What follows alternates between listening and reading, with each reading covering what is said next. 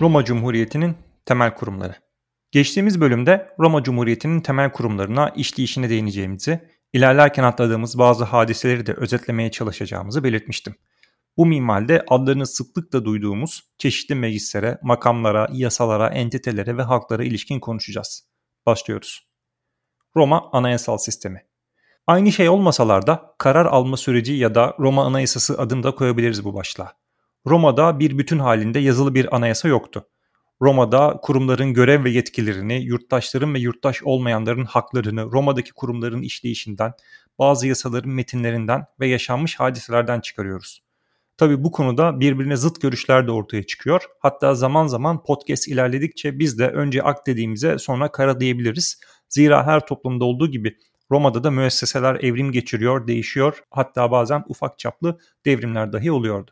Güçlü bir makam önce zayıflayıp sonra ilk haline kıyasen dahi çok fazla kuvvetlenebiliyor ya da tersi bir süreçte gelişebiliyordu. Biz bu bölümde podcast'te bulunduğumuz kronolojik kolum itibariyle ele alacağımız konuları daha çok erken cumhuriyet dönemindeki mevcudiyetleri ile o zamanki halleri açısından konuşacağız. Fakat gelecekteki durumlarına da zaman zaman değineceğiz yeri geldikçe bu podcast içinde. Roma anayasal sistemine ilk bakışta demokratik hatları görmek son derece olasıdır. Devletin varlığı ve işleyişi Roma yurttaşlarının iradelerine bağlıydı. Roma bir şehir devletiydi ve hemen hemen dönemin bütün şehir devletlerinde olduğu gibi tüm yurttaşların katıldığı halk meclisleri kamusal meseleler üzerinde yetki sahibiydi. Kanunları bu halk meclisleri yasalaştırır, yürütme organını ve memurları bu halk meclisleri seçerdi. Yalnız bu yetkiyle yani yönetimi belirleme ve yasa tekliflerini yasalaştırma yetkisiyle yürütme yetkisi arasında son derece keskin bir zihinsel ayrım vardı. Romalılar yürütme organını seçiyorlardı fakat seçtikleri yürütme organının yani konsüllerin ve imperium sahibi diğer görevlilerin yani magistraların yasama organına yani halk meclisine karşı bir sorumluluğu bulunmuyordu. Seçildikleri andan itibaren sanki yetkilerini Tanrı'dan alan krallarmış gibi davranabilirlerdi. Cumhuriyetin kuruluşundan bahsettiğimiz 5. bölümde Romalılar artık toplanıp kendilerine hayat boyu hükmedecek bir kral seçmiyor. Kendilerine bir yıl süreyle hükmedecek iki yönetici seçiyorlardı. Romalıların bulabildikleri anayasal fren mekanizması buydu. Roma karmaşıklaştıkça zamanla başka fren mekanizmaları da ihdas ettiler demiştik. Gerçekten de öyle. Konsüller kralın dini yetkileri hariç birkaç istisna dışında kralın hemen her yetkisine, kralın sorumsuzluğu ile birlikte sahiplerdi ve tarih ilerledikçe bu yetkileri azaltıldı, kısıtlandı. Yani anlıyoruz ki Roma yurttaş meclisleri pasif bir yapıdaydı. Toplanıp seçimini yapıyor, yasama görevini ifa ediyor ve bunun ötesinde yürütmeye müdahale edemiyorlardı. Hatta yasamanın bu pasifliği yürütmenin aktifliği ile de iyice tahkim edilmişti. Bu meclislerde genel kural toplantıya sadece yürütme organı tarafından çağrılabilmeleri yani kendiliklerinden toplanamamaları ve önlerine gelen konularda sadece evet ya da hayır deme yetkileri olması, konular üzerine değişiklik yapamamaları yani dolaylı olarak yeni bir konu gündeme getirememeleriydi. E konuya başlarken demokratik hatları görmek mümkün demiştik fakat bu pek o kadar da demokrasiye benzemiyor değil mi? Eh her şey zamanla yıllarca krallarla kabile şefleriyle yönetilmiş insanlar öyle bir gün eski alışkanlıklarından kurtulamıyorlar. Yönetme etkisinin parçalanamazlığı hala Romalıların zihninde sağlam yerini koruyordu. Bu yönüyle de Roma anayasal sisteminin monarşik hatlarını izleyebiliyoruz. Peki seçilen yöneticiler bu kadar sorumsuzsa ne anladık öyle cumhuriyetten diyebilirsiniz. Cevabı görev sürelerinin sonunda gizli. Biz de podcast bölümlerinde makamlarını terk ettikten sonra meclislere karşı sorumsuz ve serbest oldukları dönemdeki faaliyetleri nedeniyle yargılanan, mallarına el konulan, sürgün edilen yöneticilerden bahsettik. Ben eskiden görev süresi dolunca makamını terk etmeyip direnen Romalı yöneticilere şaşırırdım. Zira kafamda görev süresi biten birinin yetkilerinin kendiliğinden son bulacağına dair günümüz düşüncesini Roma'ya da uyguluyordum. Fakat dediğimiz gibi yönetme etkisi yani imperium parçalanamazdı. Bu paradigma doğrultusunda görev süresi biten yöneticinin makamını kendisinin terk etmesi gerekirdi. Terk etmediği durumlarda onu görevden alacak bir mekanizma mevcut olmadığından anayasal kriz çıkardı. Bu kadar meclislerden bahsettik. Roma'ya adını veren senatodan bahsetmedik. Senatodan kendi başlığında da konuşacağız. Fakat bu süreç içerisinde yeri çoğu zaman fiili gücünden kaynaklanmaya devam etti. Senato hukuken doğrudan siyasete müdahale edemezdi. Ancak konsüllerin müzakere ve danışma için toplamasıyla istişari görüş verme etkisine sahipti. Ancak fiiliyatta işler farklı yürüyordu. Konsüller görev süreleri bitince senatodaki görevlerine devam ederlerdi. Senato Roma'nın en zengin patrici aileleri arasından seçilirdi ve Roma'nın en nüfuzlu şahsiyetlerinden oluşurdu. Roma seçim sistemi de esasen senatoyu Centuria Meclisi'nin en çok oya sahip olan kısmı haline getiriyordu. Biraz başlıklara dönelim. Halk meclisleri diyoruz. Daha doğrusu yurttaş meclisleri diyoruz. Zira bunlar birden fazlaydı. Comitia Curiata, Comitia Centuriata, Comitia Tributa ve Consilia Plebis Tributa meclisleri her biri kendi alanında yetkileri olan ve farklı kompozisyonlara sahip ayrı meclislerdi. Bunların her biri kendi ayrı tarihsel gelişimini izledi. Kısaca kendi başlıkları altında da değineceğiz. Comitia Curiata Romulus'un Roma halkı arasında yaptığı 30 bölümlük ayrıma dayandırılan Roma'nın tüm erkek yurttaşlarının kuryalar bazında katılabildiği fakat yalnızca patricilerin oy kullanabildiği, pleblerin ise katılmakla yetindiği büyük ihtimalle Romulus zamanında toplanmaya başlayan meclistir. Kurya bazında toplanıyor dedik. Peki nedir bu kurya? Kurya Roma ailelerinin yani gençlerin çeşitli sebeplerle ki bunlar komşuluk, ortak bir bölgeden gelmiş olmak gibi zorunlu olarak kan bağına da bağlı olmayan, kan bağına ilişkin olmayan sebeplerdir. Bir araya gelmesiyle oluşan birlikteliklerdir. Bunların ortak ibadethaneleri, ortak mülkleri olurdu. Birlikte ibadet ederlerdi. Gens ise aile olarak geçse de bizim için bugünkü manada sülaledir. Her gençten birkaç kişinin bir araya gelişiyle kurya topluluğu, 30 kuryanın bir araya gelmesiyle de kurya meclisi, komiteye kuryatı oluşurdu. Senato tarafından seçilmiş olan kralı ilan etme, yüksek mahkeme görevlerini icra etme, savaşların finansmanı için vergi toplama, her kuryanın orduya gerektiğinde vermesi gereken 100 piyade ve 10 süvariyi silah altına alma gibi görevleri vardı. 6. Kral Servis Tullius zamanında kurulan Comitia Centuriata bu meclisin yetkilerinin çoğunu devralmışsa da meclis özellikle patricileri ilgilendiren konularda karar almaya ve gençlerden yani en temelde ailelerden oluşan bir meclis olduğundan vasiyetname, evlat edinme gibi aile hukukuna ilişkin konularda geç cumhuriyet dönemlerinde dahi yetkili olmaya devam etmiştir. Comitia Centuriata Comitia Centuriata hem patricilerin hem de pleblerin katıldığı, yasa ve karar önerilerinin kabul ya da red biçiminde oylandığı fakat değiştirilemediği, sensör, konsül ve preatörlerin seçimlerinin gerçekleştirildiği, kamu suçları bakımından yargı alanında yetkileri bulunan, savaş ve barış kararlarını veren son derece önemli bir meclistir. Romulus'un tesis ettiği kuryalara dayalı Comitia Curiata'nın yetkilerinin birçoğunun Servis Tullius tarafından kurulan yeni meclise devredilmesiyle kurulmuştur. Comitia Centuriata'da her sınıf kendi içinde centuryalara bölünmüştü. Centuria lejyonları oluşturan en temel birimdir. Klasik halindeyken Comitia Centuriata birçok yerde 5 diye duyarsınız. Aslında temelde 5'tir ama ben farklı bir formülizasyon izlediğim için 8 sınıftan oluşurdu diyeceğim. En üstte 6 blok ile patriciler bulunurdu. Bu sınıf servete göre değil, ailesinin kökeni Roma'nın kuruluşuna kadar giden kişilerden oluşurdu ve nüfusları çok az olmasına rağmen 6 bloğa sahiplerdi. Onlardan sonra atlılar, atlı sınıf yani ekiteler gelirdi, 12 bloğa sahiplerdi. Onların altında aristokrat olmayanlar zenginliklerine göre 5 sınıfa ayrılmıştı. Birinci sınıf 80, 2, 3 ve 4. sınıflar 20'şer, 5. sınıf ise 30 bloğa sahipti. Nüfus olarak en kalabalık olan fakat hiç serveti olmayan proletari ise bir bloğa sahipti. Bunlara uzman ve zanaatkarlara ayrılmış 4 blokta eklenince toplamda 193 blokluk meclis oluşuyordu. Her sınıfta kendi içinde alt katmanlara, alt sınıflara ayrılıyordu fakat o detaya girmiyorum burada. Oylamaya herkes katılıyordu fakat bloklar servet esasına göre belirlendiğinden zenginlerin oyu oylamanın sonucunu da çoğu zaman tek başına belirlemeye yetiyordu. Oylamalarda önce üst sınıflar oy kullanır, Sırayla oy kullanma sırası alttaki sınıflara geçerdi. Patriciler atlı sınıf ve birinci sınıf oyları çoğunluğu elde etmeye yettiğinden birçok oylamada diğer sınıfların sençuryalarının oy kullanmasına dahi gerek kalmazdı. Çoğu durumda çıkarları aynı doğrultuda olan üst sınıfların ittifakı istenilen kararın çıkması için yeterli olurdu. M.Ö. 241 yılında sensörler Marcus Fabius Buteo ve Gaius Aurelius Cotta tarafından Comitia Centuriata'nın oluşum biçimi değiştirilmiş 193 olan Centuria sayısı 373'e çıkarılarak Servis Sullius zamanından beri devam eden seçkin çoğunluğu tekeli kırılarak yeni çoğunluk sistemiyle daha demokratik bir oylama yapısına geçilmiş. Böylelikle seçimlerde 3. sınıfta dahil etkili olabilmeye başlamıştı fakat bu erken cumhuriyetin konusu değil ben ek olarak sundum. Nüfus olarak en kalabalık olan ve sadece bir oya sahip olan proletari Gaius Marius'un askeri reformlarından sonra Cumhuriyeti yıkıp imparatorluğu kuran değişimlerin ihtiyacı olan kaba kuvveti de sağlayacak sınıftır. Orası da ilerleyen bölümlerde geç Cumhuriyet'in konusu. Her bir Centuria sayısı ismini aldığı 100 sayısından çok daha fazla Roma vatandaşı içermekle birlikte oylamalarda her Centuria bloğu bir oy olarak hesap edilmiştir. Comitia Centuriata, imperium sahibi magistralıklar olan konsül, preatör ve sensör seçimlerinin yapıldığı lex yani yasa çıkarma yetkisine sahip en önemli cumhuriyet meclisiydi.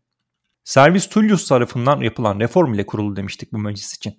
Kendisi de bir pleb olan Roma'nın 6. kralı Servis Tullius'un reformu ile kamusal görevler sadece patricilerin alanı olmaktan çıkartılıp mülk sahibi yetişkin erkek yurttaşlara genişletilmeye başlanmıştır. Bu reform doğrultusunda Roma'nın yönetiminde Comitia Curiata'daki gibi artık akrabalık ilişkileri değil, sensus ile belirlenen dignitas ve fortuna temel kriter olacaktır. Dignitas, bireyin toplum içerisindeki erdemli sayılan davranma ve prestijli kamusal görevleri yerine getirme kapasitesi, fortuna ise aile servetidir. Dignitas ve fortuna ne kadar yüksekse Comitia Centuriata da dahil olunacak sosyal sınıfta o kadar yüksek olacaktır. İstisna tepedeki 6 bloğa sahip patrici sınıfıdır. Eski Comitia Curiata üyelerinin Dignitas ve Fortunaları elbette genelde yüksekti fakat bu yeni durumu da büyüyen romanın genişleyen ihtiyaçlarını dayattığı daha genel bir tabana yayılma zorunluluğunun sonucu olarak bir demokratikleşme adımı olarak görebiliriz sanıyorum. Kamusal görevlere katılmaktan da kastımız servis Tullius zamanı için seçimlerde oy kullanma hakkı ve askerlik görevinden ibaretti. Kral bir plebti fakat diğer plebler hala yönetici olamıyordu. Roma'da bir plebin nasıl kral olabildiği ise hala tartışma konusudur. Birçok tarihçi bir dönem için şehrin Etrusk egemenliğine girdiğini kabul etmektedir. Biz podcastlerde o dönemin tarihi oldukça karanlık olduğundan geleneksel Roma anlatısına sadık kalmayı tercih ettik. Bu mecliste herkesin eşit olmadığından bahsettik fakat eklemeliyim ki oyları ağırlıklı olan sınıflar kamusal yükleri de buna göre üstleniyordu. Savaş zamanı devletin belirlediği savaş bütçesinin %93'te 98'ini yani yarıdan fazlasını nüfusça az olan Patrici, Ekite ve birinci sınıf karşılıyordu. Meclisin askeri karakterine girmişken buradan biraz bahsedip bu başlığı da kapatmış olayım. Patrici ve Ekite'den oluşan 18 Centuria, miğfer, kalkan, bacak ve göğüs zırhı, mızrak ve kısa kılıçtan oluşan bir teçhizata sahipti ve ata binerlerdi. Atların masrafları devlet tarafından karşılanırdı. Birinci sınıf bu süvariler ile aynı teçhizata sahipti fakat ata binmezdi. İkinci sınıf zırh giymezdi. Üçüncü sınıfın bacak zırhı da olmazdı. Dördüncü sınıfın sadece saldırı silahları olurdu. Beşinci sınıf ise sadece taş ve sapana sahipti. Son sınıf yurttaşlar ise askerlikten muaftı. Bu bahsettiğim teçhizatı herkes kendisi getirmek, kendisi sağlamak zorundaydı. Devletin bu konuda bir desteği yoktu. Yukarıda ismen değindiğim Marius'un askeri reformuna kadar da bu böyle devam etti. Marius'un askeri reformunu ilerleyen bölümlerde konuşacağız. Comitia Tributa Comitia Tributa bütün Roma vatandaşlarından yani patrici ve pleblerin katılımından oluşan bir meclisti. Tributa sıfatı meclisin oluşumunda yerel yönetim birimi olan tribusların esas alınmasındandır. Tribus Roma halkının nüfus ve toprak bakımından yapılandırılmasında idari birim olarak ifade edilebilir. Patriciler ve plebler arasındaki sınıf mücadelesi eşitlikle sonuçlandıktan sonra ki ilerleyen bölümlerin konusu tribuslar hem Roma halkının mali, askeri ve siyasal ayrımında hem de arazinin bölümlenmesinde birim olarak kullanılmış. Roma toprakları genişledikçe başlangıçta 4 olan sayıları artarak M.Ö. 241 yılında 35 sayısında sabitlenmiştir. Tribusların 4'ü şehir, Tribus Urbanae ve geri kalan 31'i taşra, köy tribusu Tribus Rusticae olarak adlandırılır. Bu sabitlemeden sonra Roma'ya yeni katılan topraklar ile yeni vatandaş kabul edilen Romalılar mevcut tribuslara dahil edilmiştir. Bölge esasına göre kurulan ve her tribusun bir oy hakkının olduğu Comitia Tributa'nın magistralar ve genelde pretor tarafından getirilen önerileri kabul ya da reddetme, quaestor, aedilis curulis ve diğer ikinci derece magistraları seçme, ceza yargılanmasında da para cezası verme yetkileri bulunmaktaydı. Şimdi bu noktada bu meclisin Appius Claudius Caecus'tan ve onun M.Ö. 312 yılındaki sensörlüğünden bu sırada yaptığı reformlardan bahsetmek gerekiyor. İkinci Samnis Savaşı'nı konu alan bölümde kendisine değinip reformlarından bahsederiz demiştik. Reformları Comitia Tributa üzerinden gerçekleştirdiği için bu başlık altında aktarmak daha doğru sanıyorum. Roma'nın 6. kralı Servis Tullius zamanından beri yurttaşlar toprak sahibi yerleşikler arasından servet esasına göre sınıflara bölünüyordu. Roma giderek tüccarın, esnafın, zanaatkarın geliştiği bir şehir olarak artık bunların da kayda değer fakat toprağa dayalı olmayan servetlere sahip olduğu bir şehir haline gelmişti. Appius Claudius bu kişilerin sahip olduğu taşınır serveti de Roma sınıflarını belirlemede hesaba dahil etmek istiyordu. Geleneksel sisteme göre hiç toprağınız yoksa ne kadar zengin olursanız olun yurttaş olamazdınız ya da yurttaş olsanız da en düşük sınıfta yer alırdınız. Appius Claudius sensör olarak vatandaş listelerini oluştururken şehirde oturan taşınır servet sahibi plebleri ve azat edilmiş köleleri yerlerini değiştirmeden taşra tribuslarına dağıttı. Böylece bu kişiler hem komitia tributa hem de taşınır servetleri de hesaplandığı için komitia centuriata'nın önemli bir kısmını oluşturmaya başladılar. Özellikle komitea tributa'da çok etkin hale geldiler. Zira taşra tribuslarına üye yurttaşlar taşrada yaşadıklarından meclis toplantılarına genelde iştirak edemiyorlardı ve bu tribuslar adına çoğunlukla konuşan ve oy kullananlar taşınır servete sahip olan ve bu tribuslara dağıtılmış olan Roma'da yaşayan yurttaşlar oluyordu. Roma'da yaşayan yeni burjuvazinin kırsal Roma yurttaşına sağladığı bu politik üstünlük esasen Roma'nın çiftçi ve ticarete aşırı gören karakterine zıttı. Ve bu nedenle Appius Claudius'tan sonra bu taşınır servete sahip sınıfın yurttaşlık haklarına Comitia Centuriada'daki pozisyonlarına dokunulmamışsa da bunlar 31 taşra tribusundan çıkarılıp Roma şehrinde oturanların dahil olduğu 4 şehir tribusuna dahil edildiler. Böylece Roma'nın ziraate öncelen yapısı gücünü koruduğunu göstermiş oldu. Roma-İtalya Konfederasyonu Taşra tribuslarından bahsetmişken bütün İtalya'yı yöneten bir devlete nasıl oluyor da şehir devleti diyoruz? Ona girelim biraz. Öyle ya şehir devletinin taşrası olmaz. Hadi olsa olsa 15-20 kilometre uzaklıkta olur en fazla. Peki bütün İtalya'yı yöneten bir devlet şehir devleti hüviyetini nasıl korudu? Roma'da yurttaşlar siyasal haklara sahip olup olmama bakımından iki gruba ayrılıyorlardı. Tam hukuklu yurttaşlar civitas cum suffragio ve yarı hukuklu yurttaşlar civitas sine suffragio. Tam hukuklu yurttaşlar Roma şehrinde yaşayan yurttaşlar ve Roma'nın yurttaşlık verdiği şehir, kasaba ve toplulukların mensuplarından oluşurdu. Bunlar tribuslara ve centuryalara dahil edilerek Roma şehrinin yönetiminde oyları ile söz sahibi olabilirler, şartları taşıyorlarsa yönetici olabilirlerdi. Bu tam hukuklu vatandaşların bir kısmı ise tribuslara dahil olmaz, Roma tarafından anlaşmalarla müttefik haline getirilmiş bulunan şehir ve toplulukların topraklarında kurulan kolonilerde yaşardı. Bu kolonilerin Roma'nın müttefiklerini asimile etme ve Roma'ya ileri karakolluk yapma görevleri vardı. Romalılar başlangıçta Sabinlere kendilerini isyan etmeyen Latin yerleşimlerine bu vatandaşlığı vermişlerdi. Tam hukuklu vatandaşlık Cumhuriyet ve sonrasında imparatorluk dönemi boyunca genişleme eğilimi gösterip sonunda tüm imparatorluk sattına yayılacaktır. Zamanı gelince bunun nasıl olduğunu ve etkilerini de konuşacağız. Bazen Latin Savaşı'nda gördüğümüz ve sosyal savaşta göreceğimiz gibi topluluklar bu hakkı istemişler. Bazen de bazı topluluklar istemeseler de bu hak görevleri ile birlikte özellikle imparatorluk döneminde onlara verilmişti. Bölümler ilerledikçe değiniriz. Yarı hukuklu Roma yurttaşları ise oy kullanma, yönetici olma hakları bulunmamakla beraber tam hukuklu Roma yurttaşlarının yararlandığı diğer haklardan yararlanırlardı. Bunların Roma lejyonlarında asker olarak görev yapma, vergi verme yükümlülükleri de tam hukuklu yurttaşlar gibiydi. Yaşadıkları yerlere munisipum denirdi. Sabinler tam hukuklu vatandaş statüsü elde etmeden önce 20 yıl kadar Roma'ya isyan eden Latin yerleşimlerinden isyan başlatanlardan ya da şiddetle devam ettirenlerden olmayanlar birçok Etrüsk şehri bu statüdeydi. Tam ve yarı hukuklu yerleşimlerden başka bir de müttefikler, Civitas Feodorate yahut Societas, daha çok bilinen adıyla da anılan adıyla da Sochi vardı. Defalarca andık bunları. Müttefiklerin adı müttefikti. Esasen Roma'ya bağlı, iç işlerinde görece serbest, dış işlerinde ise tamamen Roma'ya bağımlı siyasi varlıklardı.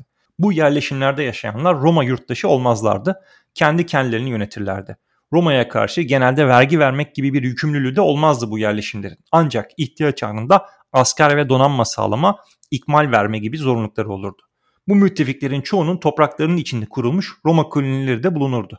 Bu müttefikler divide et impera, böl ve yönet ilkesi gereği yalnızca Roma ile ticari ve diplomatik ilişki kurabilirler, birbirleri ile dahi ilişki kuramazlardı. Bazıları savaş sonunda yardımlarına karşılık hisselerine düşen ganimeti alabilirler, hatta bazıları Romalıların izin verdikleri fethedilmiş topraklarda kendi kolonilerini dahi kurabilirlerdi. Roma'nın müttefikleri için uyguladığı genel geçer bir hukuk yoktu. Her bir müttefikle genelde bir savaşın sonunda durumun gerekliliklerine göre ve imkanlarına göre ona özgün, ona uygun bir anlaşma yapılırdı.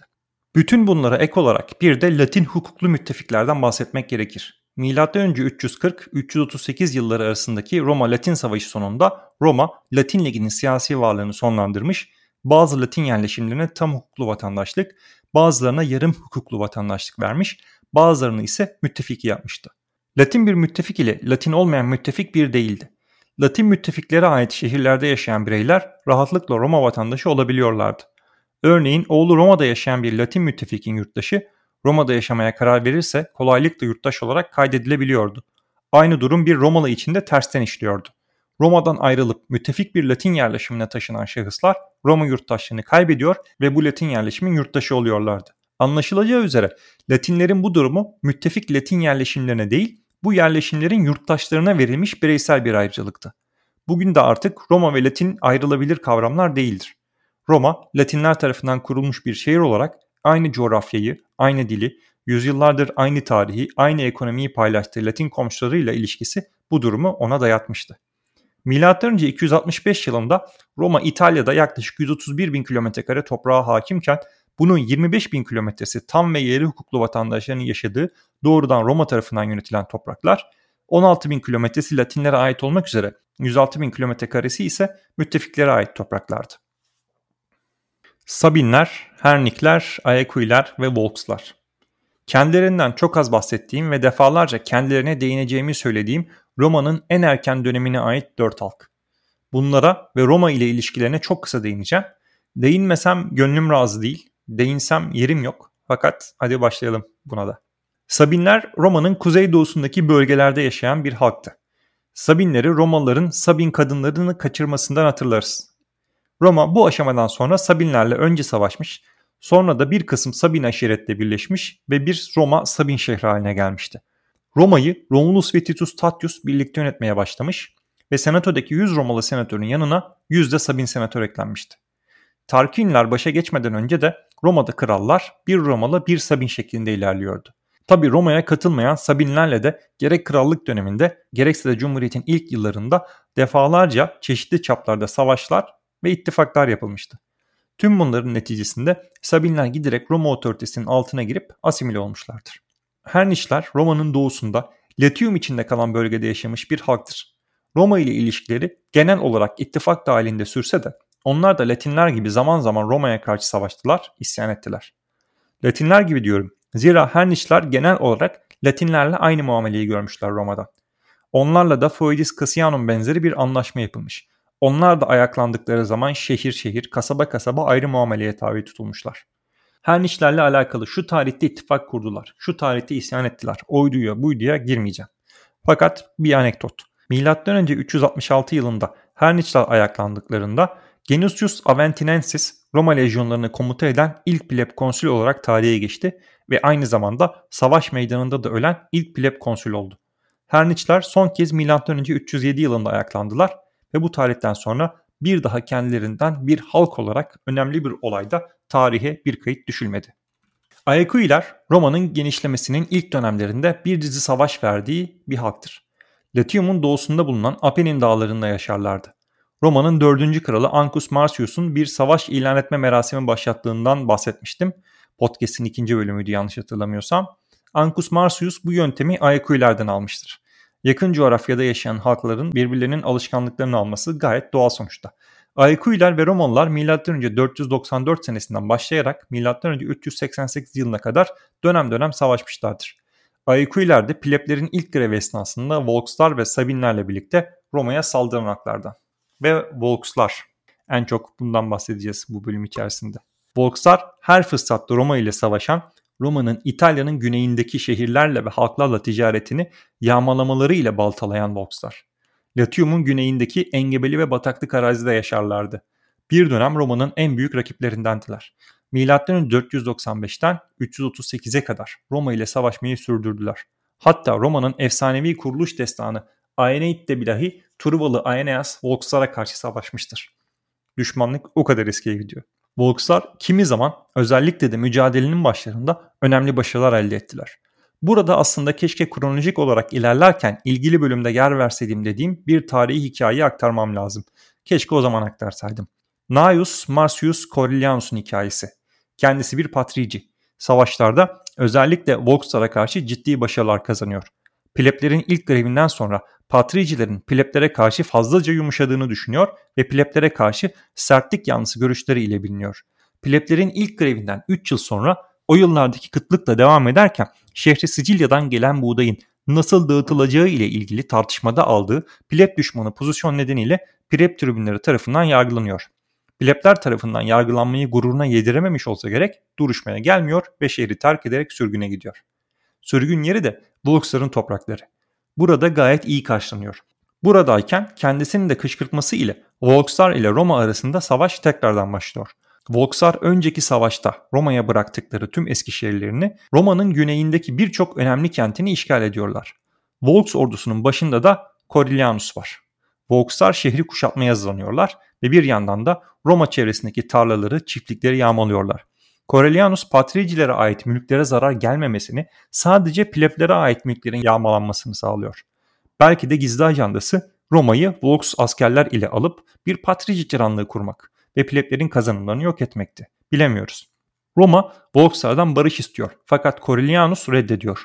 En sonunda Roma'da bulunan eşi, annesi ve çocukları Roma elçileriyle birlikte ona geliyorlar ve şehre saldırmamaya ikna ediyorlar. Coriolanus ordusu ile Volks topraklarına dönünce bu sefer Volkslara ihanetten yargılanıyor ve fakat yargılaması bitmeden öldürülüyor. Volkslar özellikle Roma'nın M.Ö. 5. asrının ilk yarısındaki sıkıntılı günlerinde Roma'ya zor anlar yaşatmış bir halk. Fakat yıllar geçtikçe denge iyice Roma lehine değişiyor ve zamanla asimile oluyorlar. Bir ilginç bilgi daha Julius Caesar'ın kız kardeşinin çocuğu olan Gaius Octavius yani Roma'nın ilk imparatoru Caesar Augustus baba tarafından Volks kökenlidir. Bu bölümlük bu kadar yetsin. Bizi YouTube'da Daktilo 1984 kanalı üzerinden takip etmeyi, yorum yapmayı, Patreon'a uğramayı unutmayın. Gelecek bölümde bu konuya devam edeceğiz. O zamana dek görüşmek üzere.